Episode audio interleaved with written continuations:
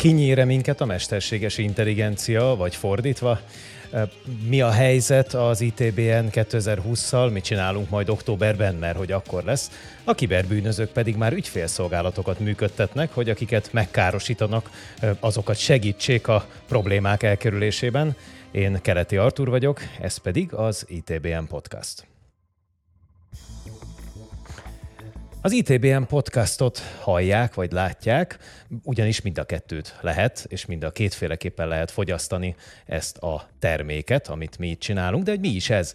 A kiberbiztonságról szóló magazin műsorról van szó, amiben olyan témákat dolgozunk fel, mint például a kiberbűnözőknek a különböző motivációja, vagy éppenséggel a mesterséges intelligencia és annak előretörése, vagy hogy kell féljünk, vagy például az, hogy megoszthatunk-e valamit az interneten, anélkül, hogy valami probléma keretkezne ebből a, a dologból. Ez a formátum, ez a látható, hallható videóformátum egyébként rendszeresen jelentkezik, körülbelül egy hetente, két hetente, attól függően, hogy hogyan vannak érdekes és izgalmas témáink. És egy másik különlegessége is van a műsornak, méghozzá az, hogy ebben a minőségben, 1080p-ben, 30 fps-sel, már ahol egyébként ez a formátumot engedi a megfelelő streaming szolgáltató, távolról készítjük az adást, tehát jelenleg is Részbetyár Gábor, aki az adásrendezőnk, máshonnan jelentkezik be, és az adás vendégei is máshonnan érkeznek a műsorba. Ebben a műsorban a kiberbiztonság mellett egyébként nyilván holisztikusan, perspektívába helyezve kezeljük még azokat a kérdéseket is, hogy ha valamitől félünk, akkor az hogyan oldjuk fel, hogyha valamilyen biztonsági kérdésünk van, akkor azt hogyan kezeljük, természetesen mindent kiberbiztonsági, kiber nézőpontból. De hogy a dolog ne legyen, ne legyen annyira unalmas, van egy kiváló partnerem is a műsorvezetésben, aki nem más, mint Péter Kovács Zoltán, akit szeretnék is ide idézni, ugye az internet túlsó oldaláról. Szia Zoli, ott vagy? Itt abszolút a túlsó oldalán, köszönöm, szervusz, igen, itt vagyok. Ezt azért is mondtam, hogy az internet túlsó oldalán, hiszen ez az innenső oldala. Tehát ezért gondoltam, hogy te akkor biztos a túlsó oldalán vagy. Igen, egyértelmű, tehát itt vagyok, igen. Na figyelj, azt szeretném tőled megkérdezni, mint kiberbiztonsági szakértőtől, hogy akik sokat látnak téged különböző műsorokban és különböző egyéb felvételeken szerepelni, azok szerintem már fölismerhetnek téged például a nagyon érdekes pólóidról, amiről most nem foglak kérdezni, pedig biztos, hogy szeretnél beszélni róla. Na jó, ha szeretnél róla beszélni, akkor, akkor beszélsz róla, de először hadd tegyem föl az eredeti kérdést, amit ide szántam miért sapka, és ha már sapka, akkor, akkor mesélj egy kicsit arról nekünk, hogy, hogy egyáltalán milyen sapkáid vannak, meg hogyan van ez az egész sapka dolog, mert én nem értek hozzá, de azt tudom, hogy, hogy hol van a címke, meg van-e, meg itt ez számít. Ilyet sapka, felmerülhet a kérdés, hogy a hogy a hajjal pótolnám a sapkát, ha lehetne, ez teljesen jogos, de hamarabb volt. Az a sapkahordási mizéria korábban kezdődött, és lehet, hogy pont ezért nincsen már haj alatta. Viszont így kényelmesebb is a sapka, mitagadás. Ö, nagyon sok ö, baseball sapkám van, amiből viszonylag keveset szoktam egyébként hordani, de, de ennek az az oka, hogy nagyon sok megtetszik, de fazonban valójában csak ez az igazi old school verzió áll nekem jól. Érdekesség, hogy ezt valóban annak idején baseball kötelező mm, ruhadarabként vagy ruhadarabnak fejlesztették. Ennek az volt a célja, hogy az ösztönösen állatleszegő ember, aki a felészágódó, arca felészágódó labda látványára ösztönösen leszegi az állát, a, a simléder megvezesse a labdát, és ne az órát, illetve a, a állkapcsát törje szét a felé repülő labda. Úgyhogy ezek az igazi oszkó sapkák, dizájnú sapkák állnak csak jól nekem, úgyhogy én inkább ezeket hordom, de nagyon sok olyan van, amit ilyet hordani sem tudok. Tehát kiderült, hogy tulajdonképpen a, a, a baseball sapkának szintén biztonsági oka van, legalábbis, legalábbis a simlédernek, tehát megint csak oda jutottunk vissza, hogy minden a biztonságról szól. Na azért azóta ebből a dologból már divat lett, úgyhogy szerintem a Szerintem azért arról is tudnánk majd beszélgetni, hogy milyen típusú sapkák vannak, de azt gondolom, hogy hagyjunk a következő podcastokra is érdekes témákat, amikor majd arról is fogunk beszélgetni, hogy te miért vagy egy Ghostbusters-ös pólóban otthon, de ez legyen majd a következő műsoroknak a témája.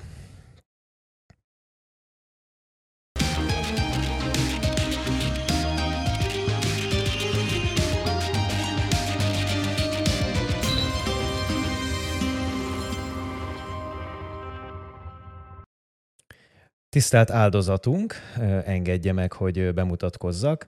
Mi vagyunk a zsaruló vírus készítők, vagy szkemmerek. Szeretnénk önnek segíteni abban a kellemetlen helyzetben, hogy nyilván most ön nem tudja elérni a számítógépe különböző erőforrásait, de egy cseppet se aggódjon, bennünk száz százalékig megbízhat, segítünk önnek abban, hogy visszakapja a fájait, vagy visszaálljon minden az eredetibe, ahogy régen volt. Ehhez kérjük az ön támogatását. Nos, ilyen jellegű módon jelentkezhet be ma egy zsarulóvírus gyártó, vagy zsarulóvírus készítő, vagy akár egy scammer, egy csaló bűnözői csoport ügyfélszolgálata. Mert hogy most már ügyfélszolgálata is van ezeknek a szervezeteknek. Zoli, azt szeretném tőled kérdezni, hogy szerinted meddig juthat el ez az elszemtelenedés? Mert szerintem ez már úgy nagyjából a, a teteje annak, hogy bűnözői csoportok hogyan tudnak átverni embereket. Hát jól mondod, nagyjából tényleg már kimaxolták, tehát az online lehetőségeknél, ahol gyakorlatilag egy online ügyfélszolgálaton is már tud segítséget kérni, ott például kapcsát is sok esetben már használnak ők, illetve használnod kell ahhoz, hogy, hogy tudjál velük kommunikálni. Ez Bocs, az, az, az azt jelenti, bocsánat, az azt jelenti, hogy hogy neked is igazolnod kell azt, hogy, hogy nem vagy robot, igen. igen, hogy te nem vagy robot, így van. Igen, igen, és azért azt kell, hogy mondjam, azok az ügyfélszolgálati rendszerek, amiket, amikről láttam különböző felvételeket kiberbűnöző ügyfélszolgálatokról, hát bőven megközelítik a egyébként némelyik teljesen legitim szolgáltatónak az ügyfélszolgálatát, és nem egy, teljesen egyértelmű, hogy egy nagyvállalati, nagyvállalati működés van emögött, tehát igazából ez a ez a felénk, illetve az áldozatok felé nyújtott felület, de a mögöttes infrastruktúra az az, ami szintén olyan szintű, szintén olyan kiépített, mint egy, mint egy nagyvállalati szolgáltatás esetében.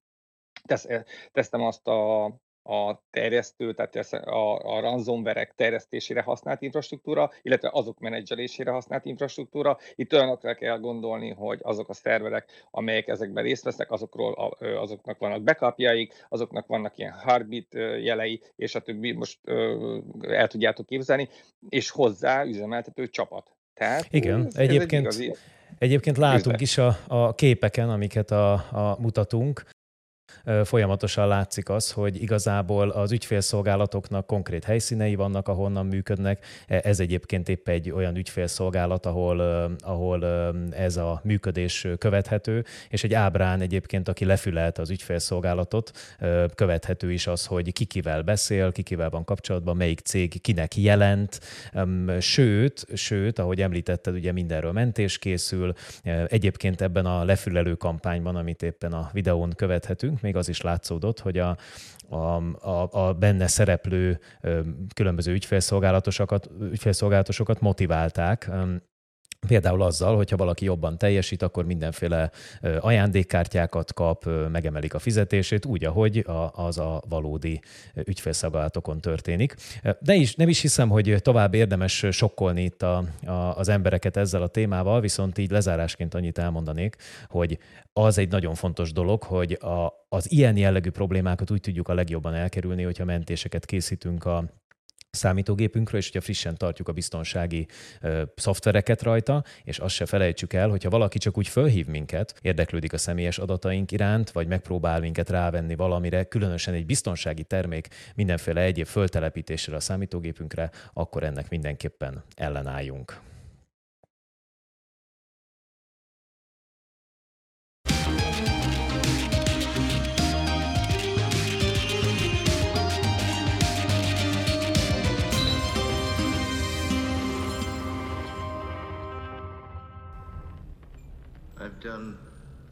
Questionable things. Also extraordinary things. Revel in your time.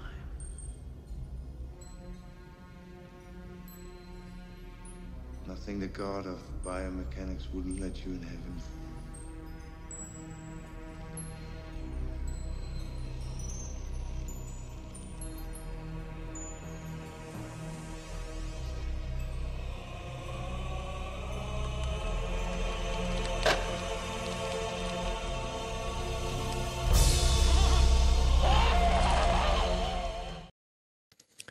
A Blade Runner című sci láttunk egy részletet, vagy lehet, hogy úgy kellett volna mondanom, hogy a Szárnyas fejvadás című tudományos fantasztikus mozgófilm egyik részletét látták, de nem ez a lényeg. A lényeg az, hogy ebben a jelenetben egy, egy biomechanikus android, egy mesterséges intelligencia fellázadt az alkotója ellen, és ellene fordult. Nos, sajnos egy ilyen szituáció előállhat bármikor, miközben érdekes módon a mesterséges intelligencia kutatás még mintha nem tartana itt. Az Elon Musk nevével fémjezett OpenAI projektben például a GPT-3 az egy rendkívül érdekes, rendkívül profi mesterséges intelligencia, ugye egy, egy gépi tanuláson keresztül mondatok kiegészítésével, akár teljes szövegek írására alkalmas mesterséges intelligencia, Ugyanakkor nyilván komoly korlátai vannak, hiába érti már a kontextust, amiben működünk. Viszont azokon a filmeken nőttünk fel, amit az imént is láttunk, ezek tematizálják a gondolkodásmódunkat, miközben, hát azt kell mondjam, hogy igazából egy fals képet adnak arról, hogy, hogy hogyan működnek a robotok, hogyan működik a mesterséges intelligencia, klisészerűen gondolkodnak erről. Tehát óriási a különbség a közt, amit ma tudunk csinálni, ami felé haladunk, ami nagyon biztató, de vannak korlátai, meg ahogyan elképzeljük ezt az egész világot, hogy majd itt a robotok minket ki fognak nyírni. Péter Kovács Zolit szeretném megkérdezni, hogy Zoli, te, te biztonsági szakember vagy, van etikus hacker háttered is, egyébként fejlesztőként is dolgozol, dolgoztál. Neked mi a véleményed arról, használjuk most a mesterséges intelligenciát, vagy nem te használod el például, meg tényleg van-e ez az uralomra törekvés, vagy tényleg kell ettől tartanunk, vagy ez még, ez még nagyon messze van? Én úgy gondolom, hogy amit ma a mesterséges intelligenciából ki lehet hozni, az még csak pozitívat tud nekünk hozni, illetve bármi, ami, ami kiesett ebből is negatív, az semmiképp sem a, a, a konkrétan a mesterséges intelligencia alkalmazásából fakad. Az, hogy Egyébként kifejezetten veszélyes tud lenni egy ilyen szöveg generáló algoritmus, ami már annyira, annyira emberi szöveget tud generálni, hogy már gyakorlatilag nehéz megkülönböztetni a valódi emberek által írt szövegtől. Ez azért tud veszélyes lenni, mert ez mások kezében egy, egy, egy, egy, egy, egy szövegíró robottá tud válni, és az, a céljaikra tudják használni, de ott is a cél, a szándék, a, a negatív dolgok, az a mögöttes ember, aki, aki ilyen célra használja. Úgy, a, egyébként pedig a gépi tanulás, az, a, amit ugye külön is kell választani, az pedig kifejezetten jó dolgokat hozott az életünkbe, és már nyugodtan múlt időben is használhatjuk, hogy hozott, rengeteg jó dolgot hozott az életünkbe, és a biztonsági területen is már ö, számtalan termékben vannak ö, olyan, ö, olyan modulok, amelyek gépi tanulás segítségével például meg ö, olyan, olyan ö, malvereket ö, ö, tudnak felismerni, amit egyébként semmilyen egyéb ö, korábbi ismeret, amiről nem állt, elő, nem állt rendelkezése korábbi ismeret. Tehát azt kell mondanom, hogy ha, ha már csak a biztonsági aspektusból nézem, akkor, akkor ez abszolút pozitív, amit hoz, hoz és hozhat. Viszont azt látni kell, hogy a, ezt, a, ezt a erőt, ezt a lehetőséget a túloldal is használja. Tehát a támadók is már használják a, a mesterséges intelligencia által nyújtott lehetőségeket. Azt Na jó, de akkor, de, de várjál Zoli, várjál Zoli, akkor most, te most azt mondod, hogy, hogy a Transformersek azok még nem jönnek. Tehát, hogy most még itt nem még tartunk. Nem. Ez, ez, még, ez, még, ez még nagyon, még nagyon nem, a jövő. Az, az, az, nagyon a jövő, viszont az, az azért egy kicsit gyanús, hogy a Google miért akarja beazonosítatni Sarah Connort egy csomó képen, tudod, az, az azért egy kicsit már fura. Hát igen, ebben, ez, ebben biztos vagyok. Mégis azért, azért én azt gondolom, hogy akkor, amikor mondjuk Elon Musknak a Neuralink nevű cége éppen most készül összekapcsolni az agyunkat a számítógépekkel, és ugye malacokkal már sikerült is, valamint ugye Bluetooth-on meg Wi-Fi-n keresztül majd a telefonunkban föl fog tűnni a, a, a ki billentyűzetként az agyunknak a motorikus része, akkor azért én azt gondolom, hogy lehet, hogy egy kicsit közelebb vagyunk ehhez a pillanathoz, mint, amely, mint, mint amit te most itt vizionáltál. De nem akarok itt mindenkit megijeszteni, pláne nem olyan képsorokkal, amit éppen most látunk az Én a robotból, vagy amikor a Robocopnak a hatalmas nagy e, rendőrségi robotja éppen szitává lő valakit, és kiküldi egy felhőkarcolónak a nem tudom hányadik emeletéről, de azért, azért én úgy gondolom, hogy lehet, hogy egy picit közelebb vagyunk ehhez a dologhoz, mint ami így elsőre látszik. Az, a, az, az ED 209-es volt ez a nagy robot egyébként, és a, a, az a, az a mm, kérdéskör, amit, amit felvezettél, azt szerintem számtalan nagyon komoly problémát, vagy, vagy legalábbis problémás területet hoz magá, von magával. Viszont azt nem, én azt gondolom, hogy ez egy külön téma abszolút, viszont, viszont órákat lehetne arról beszélni, hogy milyen, milyen következményei lehetnek, illetve lesznek a, a, annak, azoknak az eszközöknek, amiért már ilyen szinten össze van folódva az emberi tudattal. Jó, hát meglátjuk, hogy ez merre felé halad. Minden esetre azt leszögezhetjük, hogy ez egy út, erre felé megyünk, és azt is mondhatjuk, hogy mi a biztonsági területen már felismertük ennek a hasznát, illetve igyekszünk éberen őrtálni, hogy majd ez az átmenet ez megfelelő legyen, és ne valami olyasmivel találkozzunk, mint például szegény Will Smith.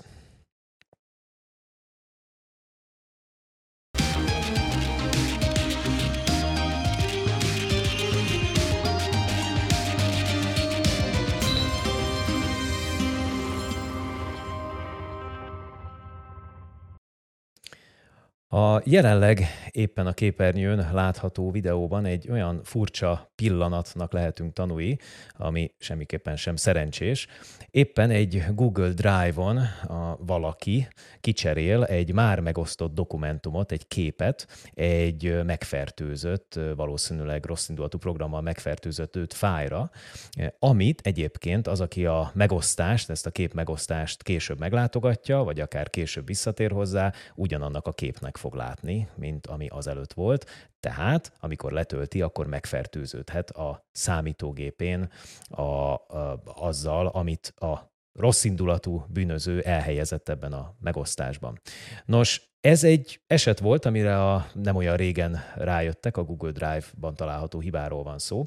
Viszont ez felveti azt a kérdést, hogy vajon megfelelően osztunk-e meg dolgokat. Tehát tudjuk-e azt, hogy amikor ráklikkelünk egy megosztásra, akkor mi történik valójában? Egyáltalán a megosztásokkor odafigyelünk-e arra, hogy kivel osztunk meg dokumentumokat, és ez vajon mennyire érinti a vállalatokat, mennyire érinti a, a magánfelhasználókat. Zoli, te amikor megosztasz valamit, például mondjuk Google Drive-on, akkor szoktad figyelni azt, hogy ez ki számára hozzáférhető, meg mondjuk mennyi ideig él ez a megosztás? Igen, az, hogy mennyi ideig, az jó kérdés. Arra, arra bevallom én sem, de az, hogy ki, kifér hozzá az, arra mindenképpen olyannyira, hogy fordítva szokott lenni a helyzet, tehát inkább az fordul elő, hogy nem adok megfelelő embereknek jogosultságot, és akkor ezt jelzik is, hogy nem tudják megnyitni. Inkább hát igen, bocs, a biztonsági szakértőknél ez egy komoly probléma szokott lenni, hogy ez a, ugye inkább nem engedünk be valakit, mint hogy igen, és ez gond, de mondjuk azért azt elismerhetjük, hogy az átlag felhasználó az meg fordítva gondolkodik, nem? Ő inkább mindenhez hozzáférést ad, csak hogy nyugi legyen. Igen, és egy nagyvállalati környezetben picit talán jobb a helyzet, hogyha jól van kialakítva ennek a policia, illetve körülötte a környezet, illetve maga egy ilyen, akár egy Google Drive, hogyha vállalati környezetben nézzük, lehet olyan, olyan alapbeállításai, hogy nem tudja megosztani külsőssel például alapból, hanem ahhoz kell külön tennie valamit, hogy ezt meg, hogy, e, hogy, e, hogy ezt, ezt a külső e-mail címre csatlakozóval megossza. Viszont az otthoni felhasználók tekintetében, hát ez egy, ez egy mint a rosta körülbelül az a kategóriának mondanám, és nem azért, mert rossz a Google Drive, hanem mert egyszerűen nem úgy gondol rá, amennyire én így látom, nem úgy gondol rá egy átlagember, mint ahogy egyébként kellene rá gondolnia. Tehát, hogy ott van előttünk, ott van a monitorunkon a, a, a megjelenítő a megjelenít tés szempontjából úgymond a, a hozzánk tartozó állományok, és aztán ez, ez, ez valahogy így az ember azt képzeli, hogy igen, ez az enyém, ez itt van nálam, és emiatt, emiatt tehát az, hogy nem, nem kezelik sok, nem kezeljük úgymond a helyén ezeket a, a dolgot, a fejünkben úgy értem, ebből lehetnek azért gondok, és ez, ez nem, a, nem, a, nem a Google hibája, ez egyszerűen hozzáállás kérdése. Világos, tehát tulajdonképpen azt kell mondjuk, hogy persze lehet hibáztatni a szolgáltatókat, lehet hibáztatni az alkalmazások készítőit, hiszen sok hibát hagynak az alkalmazásokban, de összességében azért a felhasználókban általában több hiba van, vagy legalábbis abban, ahogyan az alkalmazásokat használják, és ezért mindenkinek azt tudjuk tanácsolni, hogy, hogy igen, amikor megoszt valamit, akkor tessenek szíves megnézni azt, hogy a, a, a kivel osztjuk meg, esetleg a különböző megosztó alkalmazásoknál, vagy a különböző cloud alkalmazásoknál figyeljük meg azt, hogy ki az, akinél lehet mondjuk jelszavakat beállítani egy megosztáshoz, vagy esetleg lejárati dátumot egy megosztáshoz. Tehát figyeljünk arra, hogy mit osztunk meg, és mielőtt még ez csak egy magánfelhasználó problémává minősítjük, azt kell mondjam, hogy a vállalati felhasználók figyelmét is fel szeretnénk hívni arra, hogy igen, az, hogy ki, mikor, kivel mit oszt meg, az valószínűleg valahol szabályozott, és tudni kell, hogy ezzel a dologgal mit lehet kezdeni, és mit nem. Figyeljünk oda egymásra, különösen a fájlmegosztások területén.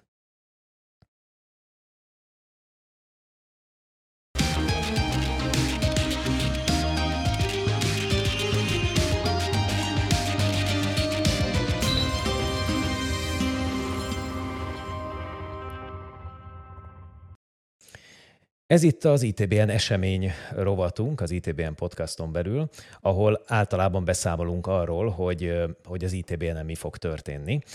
A szemfülesebbek azok észrevehették, hogy az ITBN mindig szeptember végén van. Hát ez azért van, mert az informatikai biztonság napja a szeptember végére esik. Viszont idén pontosan a pandémiás helyzet miatt úgy döntöttünk augusztus végén, hogy ezt az időpontot módosítjuk, azért, hogy több időt hagyjunk a felkészülésre, a nyár után, különösen a második hullám megkezdésekor legyen lehetőségünk egy kicsit mozogni, kicsit felkészülni a következő nehéz időszakra, úgyhogy október 28-29-ére tettük az ITBN-t, mindenki számára a dolog látogatható természetesen, e, és regisztrálni is lehet az online.itbn.hu-n. De hát felmerül a kérdés ilyenkor, hogy e, mi lesz az ITBN-en. Itt be is mutatnék mindjárt egy, egy előadót. Az előadó az nem más, mint Greg Day. Greg Day, aki egyébként a Palo Alto Networksnek a CSO-ja, Chief Security Officer-e az EMEA régióban. Na most ez eléggé kriptikusan hangzott azoknak, akik nem, nincsenek a szakmában. Valójában ez azt jelenti, hogy bizonyos régiónak ő a biztonsági főnöke. Ami számomra nagyon érdekes benne, az az, hogy 2006-ban, vagyis a második ITBN már ott szerepelt a előadók, a kínótok körében, arról fog majd beszélni, hogy hogy lehet egy szinte már utopisztikus biztonságot, biztonsági szintet elérni egy ilyen nagyon nagy támadási felülettel rendelkező, bonyolult, összetett környezetben, hiszen most mindenki otthonról dolgozik, és ezt támogatnunk kell. Egyébként a videón, ami jelenleg fut, éppen azt láthatják a kedves nézők, hogy az ITBN alkalmazás, amit majd hamarosan eh, rendelkezésre bocsátunk mindenkinek, az mennyire támogatja magán a rendezvényen, akár távolról is a, a networkinget, hiszen ez egy hibrid esemény lesz, és a hálózatépítésre is mindenféle egyéb módszereket kell kitalálnunk, de erről majd a következő műsorokban még részletesen hírt adunk. Zoli, úgy gondoljuk, hogy ebben a műsor részletben majd mindig be fogunk mutatni egy előadót. Van-e valami ötleted, hogy ki legyen a következő? Igen, én Martin Lee, a Tárosznak a technikai vezetője, a csapat technikai vezetőjéről szeretnék egy rövid bemutatót. Sok nagy, nagy port felvert ügynek a felgöngyörítésében részt vettek. Többek közt, ha nem csalanak az emlékeim, a Vanakráj első részletes mm, elemzése is tőlük jött ki, és ennek a csapatnak ez egy nagyon komoly, nagyon sok, sok tucat, több tucat emberből álló kiberbiztonsági kutatócsapat, nekik a technikai vezetőjük a Martin Lee, amit azért tartok fontosnak ismét hangsúlyozni, hogy technikai vezetője, mert ő egy szakember, egy technikai szakember, aki, aki nagyon érdekes dolgokat tud nekünk arról mesélni, hogy honnan és hogyan szereznek korábban információkat a csapatának a tagjai, a bűnözői, kiberbűnözői köröket illetően, illetve a, a, akár mondhatom nyugodtan, hogy a kiberalvilág szereplői, szereplőitől. Nos, ennyi fért jelenleg az ITBN podcastban. a mostani adásban. Nagyon reméljük, hogy olyan dolgokról beszéltünk, ami, ami érdekes volt. Mi nagyon élveztük ezt az egész műsort, és még szívesen beszélgettünk volna ezekről a témákról, de az idővel is gazdálkodnunk kell, és reméljük, hogy majd a következő alkalommal is tudunk mindenféle témákról beszélni. Az is fontos lenne, hogy a ti véleményeteket is megismerjük, úgyhogy kérlek, hogy számoljatok be róla, hogy hogy tetszett az adás, milyen témákban várnátok még esetleg jelzéseket, vagy miről beszélgessünk, vagy hogyha valamivel esetleg nem értettetek egyet, vagy éppen egyet értettetek, akkor kérlek, hogy jelezzétek ezt is nekünk valahol, ahol ez a videó megjelenik, vagy lent a kommentekben, ahogy ezt ilyenkor szokták mondani, vagy valahol máshol, ahol hozzá tudtok ehhez a dologhoz szólni. Nagyon szépen köszönjük a, a figyelmeteket, és Péter Kovács Zoltán és Részbetyár Gábor nevében is, aki segített a, az adás készítésében, megköszönjük a figyelmeteket. Sziasztok!